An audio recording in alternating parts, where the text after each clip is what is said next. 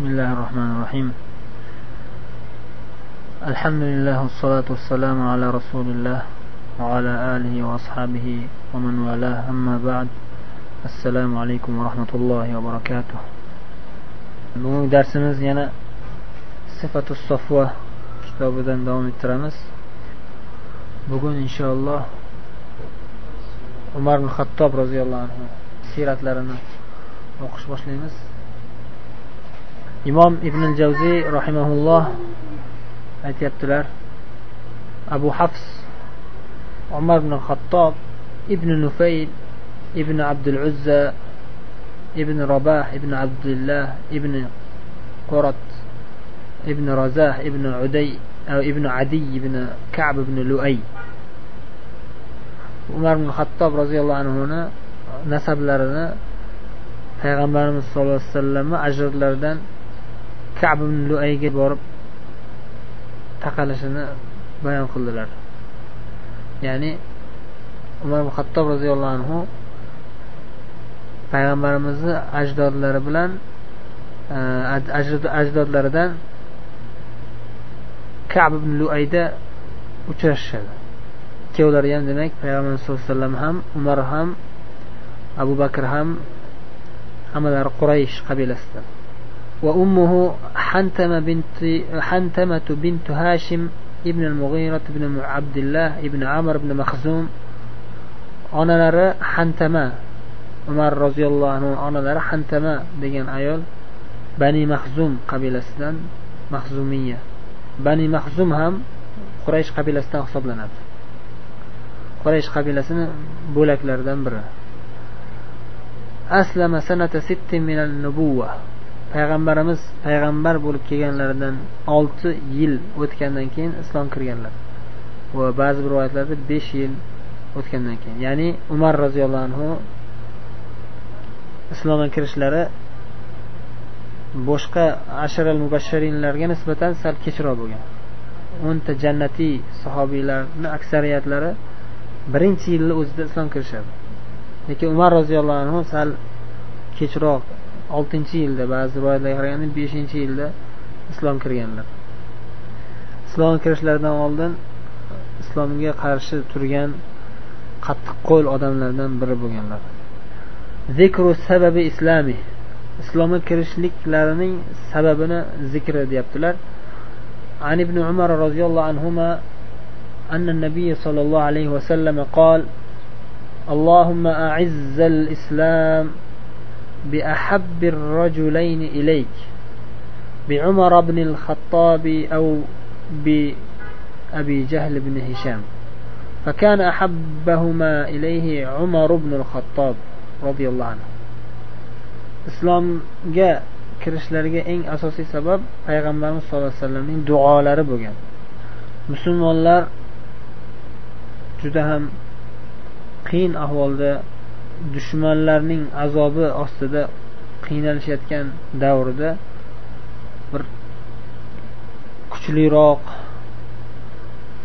e'tiborliroq jismoniy jihatdan ham baquvvat bir musulmon kishi yetishmayotgan bo'ladi. Shu ham qabilasidan qabilasi jihatidan obro' e'tibori bor hamda o'zi jismoniy jihatdan baquvvat. Shunaqa bir odam kerak bo'lib turgan paytda musulmonlarga payg'ambarimiz sallallohu alayhi vasallam duo qildilarki ey ollohim o'zing mana shu islom dinimizni islom dinini o'zingga ikkita odamdan eng suyuklisini tanlab aziz qilgin. Umar ibn hattob yoki abu jahl ibn hishom shu ikkalasidan biriga o'zing hidoyat berginu shu tufayli islom ahli aziz bo'lsin deb duo qildilar. Bu hadis nimaga da'vat qiladi? Bu hadisni foydalarida bilamizki umar hattob va abu jahl quraysh qabilasi ichida makka ahli ichida mm, quvvatga egaligi obro' e'tiborli haybatli inson deb tanilganliklariga bir dalil. Ikkovlari ham islom kirishsa yana yaxshi lekin alloh taoloning taqdiri alloh o'zi xohlagan narsasini amalga oshiradi. Ikkovlardan biri birlari islom kirib qolsa ham musulmonlarga ancha himoya ancha kuch quvvat bo'lardi. Shuning uchun shu duoni qilgandilar. Va alloh taologa umar roziyallohu anhu suyukliroq edi. Payg'ambarimizning duolarini alloh o'zi ijobat qilib umar roziyallohu anhuning qalblariga islom muhabbatini soldi. Rivoyatlarda kelishicha islomga kirish qissalarining tafsiloti quyidagicha. عن شريح بن عبيد قال قال عمر بن الخطاب رضي الله عنه خرجت أتعرض لرسول الله صلى الله عليه وسلم قبل أن أسلم فوجدته قد سبقني إلى المسجد فقمت خلفه فاستفتح سورة الحاقة فجعلت أتعجب من تأليف القرآن. قال فقلت هذا والله شاعر كما قالت قريش. قال فقرأ إنه لقول رسول كريم وما هو بقول شاعر قليلا ما تؤمنون. قال قلت كاهن. قال فقرأ ولا بقول كاهن قليلا ما تذكرون. تنزيل من رب العالمين. ولو تقول علينا بعض الأقاويل لأخذنا منه باليمين. إلى آخر السورة. فوقع الإسلام في قلبي. Umar xattob aytyaptilar islomga kirishimdan oldin payg'ambarimiz rasululloh sollallohu alayhi vasallamga aziyat yetkazish niyatida chiqdim uydan qidirib. Payg'ambarimizni qidirib uydan chiqdim aziyat yetkazaman deb. Qarasam masjidga mendan oldin kabatullohga borib namoz o'qiyotgan ekan payg'ambar sallallohu alayhi vasallam namoz o'qiyotgan ekanlar. Orqalaridan borib turib quloq solib turdim. Keyin payg'ambar sallallohu alayhi vasallam namoz o'qiyotganlarida fotiha surasini o'qiganlaridan keyin zam suraga al haqqa surasini boshladilar. Shunda hayron bo'lardimki qur'onni juda ham bir ajoyib chiroyli uslubda yozilganligini ya'ni chiroyli uslubda aytilishidan talifi ya'ni qur'onni talifi to'planishligi uslubi juda ham chiroyliligidan go'zalligidan va kuchli iboralar bilan kuchli chuqur ma'nolar bilan tashkil topganligidan juda hayron bo'lib qolardim. Va ichimda aytdimki bu haqiqatdan ham bu muhammad juda kuchli shoir ekan quraysh aytayotganday. Kofir quraysh kofirlari aytayotganday muhammad juda o'tkir shoir ekan juda chiroyli she'r to'qirkan deb turdim ichimda. Shunda rasululloh sollallohu alayhi vasallam surani davom etib o'qib ketyaptilar. Shu alloh taoloning buyuk hikmati taqozosi bilan shu umarni hayollariga kelgan shu fikrni quyidagi oyatlardan oldinga to'g'ri keltirdi. Shu fikrda bo'lib turgan paytlar rasululloh sallallohu alayhi vasallam quyidagi oyatlarni al haqqa surasidagi quyidagi oyatlarni tilovat qildilar. Ya'ni umar ichlarida hayol hayol ketyapti tillarida aytmayaptilar tillarida aytsangiz ham aytsalar ham ataylab shunga tegizib o'qiyapti bu oyatlarni deyish mumkin edi. Bu yerda xayolda ketyapti. Hayollaridan o'tayotganda quyidagi oyatlarga to'g'ri keldi.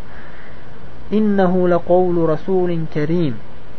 Bu qur'on juda ham karim saxovatli yaxshi bir elchining so'zi. Shoirning so'zi emas. Juda kam iymon keltirasizlar juda kamdan kam iymon keltirasizlar. Ishonishinglar qiyin degan ma'noda. Ishonishinglar qiyin lekin bu shoirni to'qib chiqargan so'zi emas bu elchini so'zi ya'ni elchi o'zidan to'qib kelmaydi.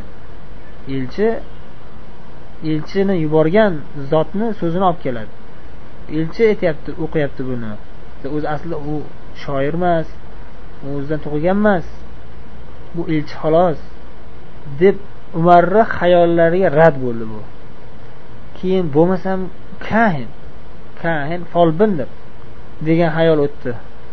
Shunda undan keyingi oyatlar bu xayollarga rad bo'lib vala folbinni so'zi ham emas bu. Juda kamdan kam eslaysizlar ya'ni aql hushinglar joyiga keladi. Qalb ko'zi ochilsa sizlarda juda qiyin bo'ladi. Kamdan kam e'tibor berasizlar. Degan tanbeh yana oyat tanqid qildi. Umar hayollarini. Tanzilu min robbil alamin. Bu olloh taolo e, olamlarning parvardigori bo'lgan zotdan nozil bo'lgan bu. U kohin folbinni ham so'zi emas bu shoirni ham so'zi emas. Olamlarning parvardigoridan nozil bo'lgan so'z. Agar muhammad bizni aytmagan so'zlarimizni ba'zi bir so'zlarni o'zidan to'qib chiqarganda edi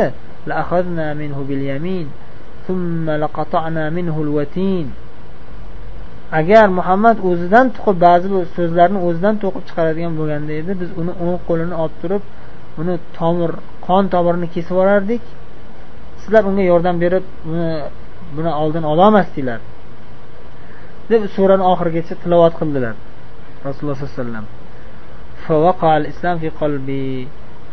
Dedilar umar roziyallohu anhu. Shu safar shu tufayli qalbimga alloh taolo islomni haq din ekanligini soldi. Ya'ni ichim ich ichimdan qanoat hosil qildimki bu islom dini haq din ekan deb.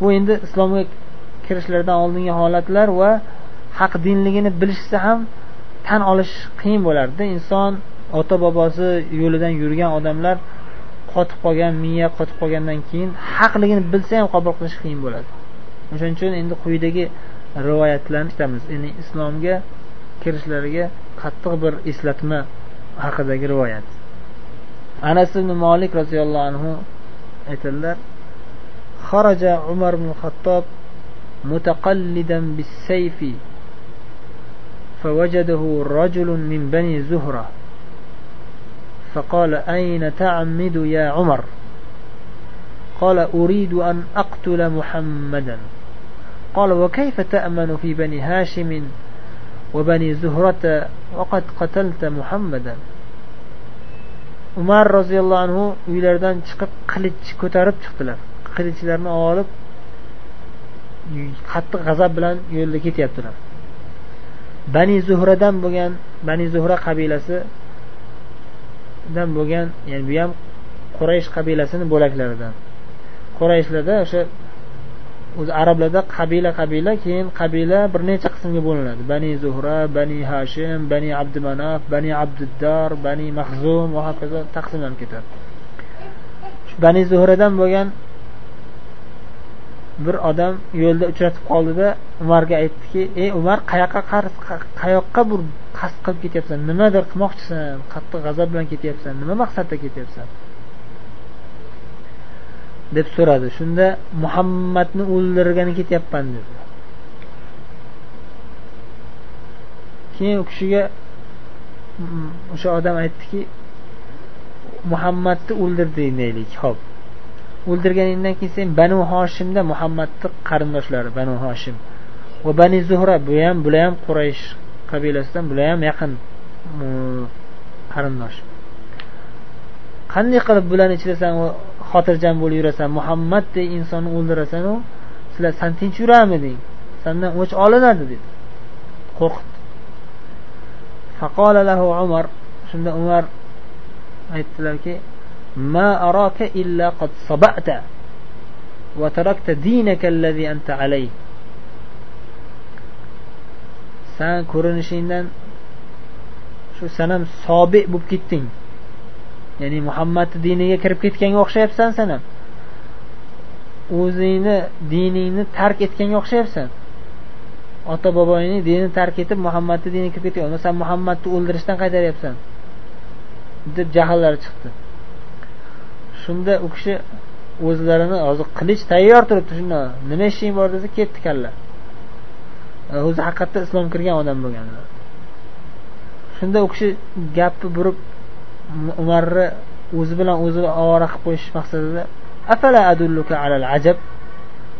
Haqiqiy ajablanarsa ajablansa arziydigan bo'lgan bir narsaga sani dalolat qilmaymi senga bundan ham ajabliroq narsani aytmayman dedi يا عمر إن أختك وختنك قد صبوا وترك دينك الذي أنت عليه ey umar san meni haqimda surishtirganingdan ko'ra o'zingni singling bilan kuyovingni bilgin kuyoving bilan sening sobiq bo'lishdi dinini seni diningni tark etib ketish bo'lishdi san boshqalarni o'ldiraman boshqalar bilan shu o'zining qarindoshingdan tashqarilar bilan shug'ullanyapsan o'zingni qarindoshing o'zingni oilangni ichida singling kuyoving islomga kirib ketdiku deb o'zlari bilan chalg'itib qo'yish o'zlarini jonlarini qutqarish uchun shunaqa deb aytib yubordilar فمشى عمر ذامرا حتى أتاهما وعندهما رجل من المهاجرين umar bu xabarni eshitib jahllari battar g'azablari chiqib kuyovlari bilan singillarini oldiga qarab yo'l oldilar bordilar. Bostirib bordilar uylariga. O'sha kuyovlarni uyiga bostirib bordilar. Borgan paytlarida habbab roziyallohu anhu muhojirlardan hali hijratdan oldin bu o'zi lekin bu kishi buyuk muhojirlardan o'zlari habbab ibn arat roziyallohu anhu bularga kelib qur'ondan dars berayotgandilar kelin kuyovga dars berayotganlar yangi islom kirganlarga فلما سمع خباب حس عمر توارى في البيت خباب رضي الله عنه umarni sharpalarini eshitib darrov uyda bekindilar o'sha chiqib ketolmaylar endi bekinish kerak umarni dahshatli qattiqqo'l g'azab ustida o'ldirib yuborishdan ham qaytmaydigan odamliklarini bilardi darrov uyda bekinib oldilar فدخل عليهما فقال ما ما هذه الهينمة التي سمعتها عندكم kirib uyga bostirib kirdilarda kelin kuyovga aytdilar singillari bilan singillarni eriga. Kirishimdan oldin nima deb ovoz chiqarib bir narsa o'qiyotgandinglar nima bu ovoz? Nima o'qiyotgandinglar nimani eshitdim? Sizlarni bir ovoz eshitdim. Nima o'qiyotdi deb so'radilar toha. Toha surasi nozil bo'lganda boshlari o'shani o'qishyapti tilovat qilishayotgan shuni o'rgatayotgan bo'lganlar habbob فقال ما عدا حديثا تحدثناه بيننا yo'q chiqib hech gapi yo'q ya'ni bu yerda majburlikdan yolg'on gapirish joiz yo'q hech qanaqa hech narsa o'qimay turdik shu o'zimiz ikkalamiz gaplashib o'tirgandik deyishdi shunda laallakuma sabav qad sabavtuma sizlar dininglar dininglardan qaytib sobiy bo'lib muhammadga ergashib ketgan bo'lsanglarchi dedi shunda kuyovlari فقال له ختنه أرأيت يا عمر إن كان الحق في غير دينك shunda kuyovlari aytdiki ey umar o'ylab ko'rgin haqiqatni xohlasang u seni diningda bo'lmasa shijoat qilib islom dinini himoyasiga otlandilar فوثب عمر على ختنه فوطئه وطئا شديدا umar roziyallohu anhu endi alloh kuch quvvat bergan o'zi ham sakrab kuyovlarini bosdilar keyin kuyovlar urushga kuyovlarga hujumga o'tib ketdilar qattiq bosib oldilar فجاءت أخته فدفعته عن زوجها فنفحها نفحة بيده فدمي وجهها singillari kelib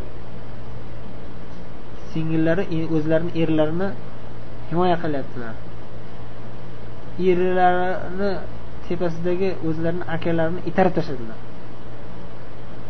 Shunda umar jahallari chiqib bir musht soldilar. Singillarini ham urib tashladilar.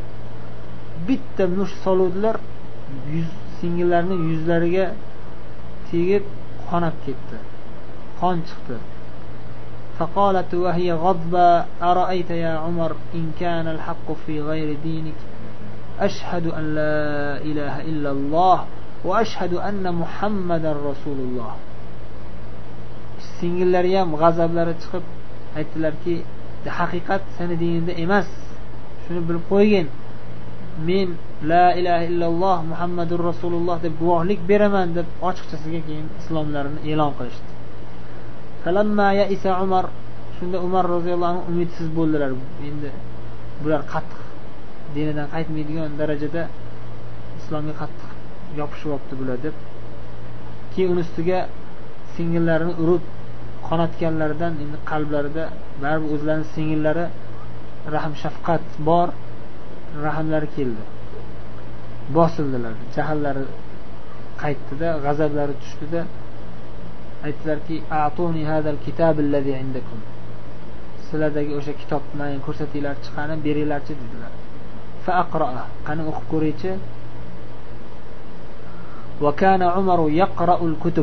Umar roziyallohu anhu o'qish yozish o'qish bilardilar. Ya'ni ko'pchilik u paytda bilishmasdi yozish o'qishlarni ummiy deb qo'yiladi savodsiz deb qo'yishadi. Ko'pchilik shunday payg'ambarimiz sallallohu alayhi vasallam ham o'qishni ham yozishni ham bilmasdilar ko'pchilik bilishmasdi kitob o'qishni biladiganlar juda kam bo'lardi umar roziyallohu anhu o'sha kitob o'qishni yozishni biladigan kamdan kam odamlardan biri edilar فقالت أخته إنك رجس ولا يمسه إلا المطهرون فقم فاغتسل أو توضأ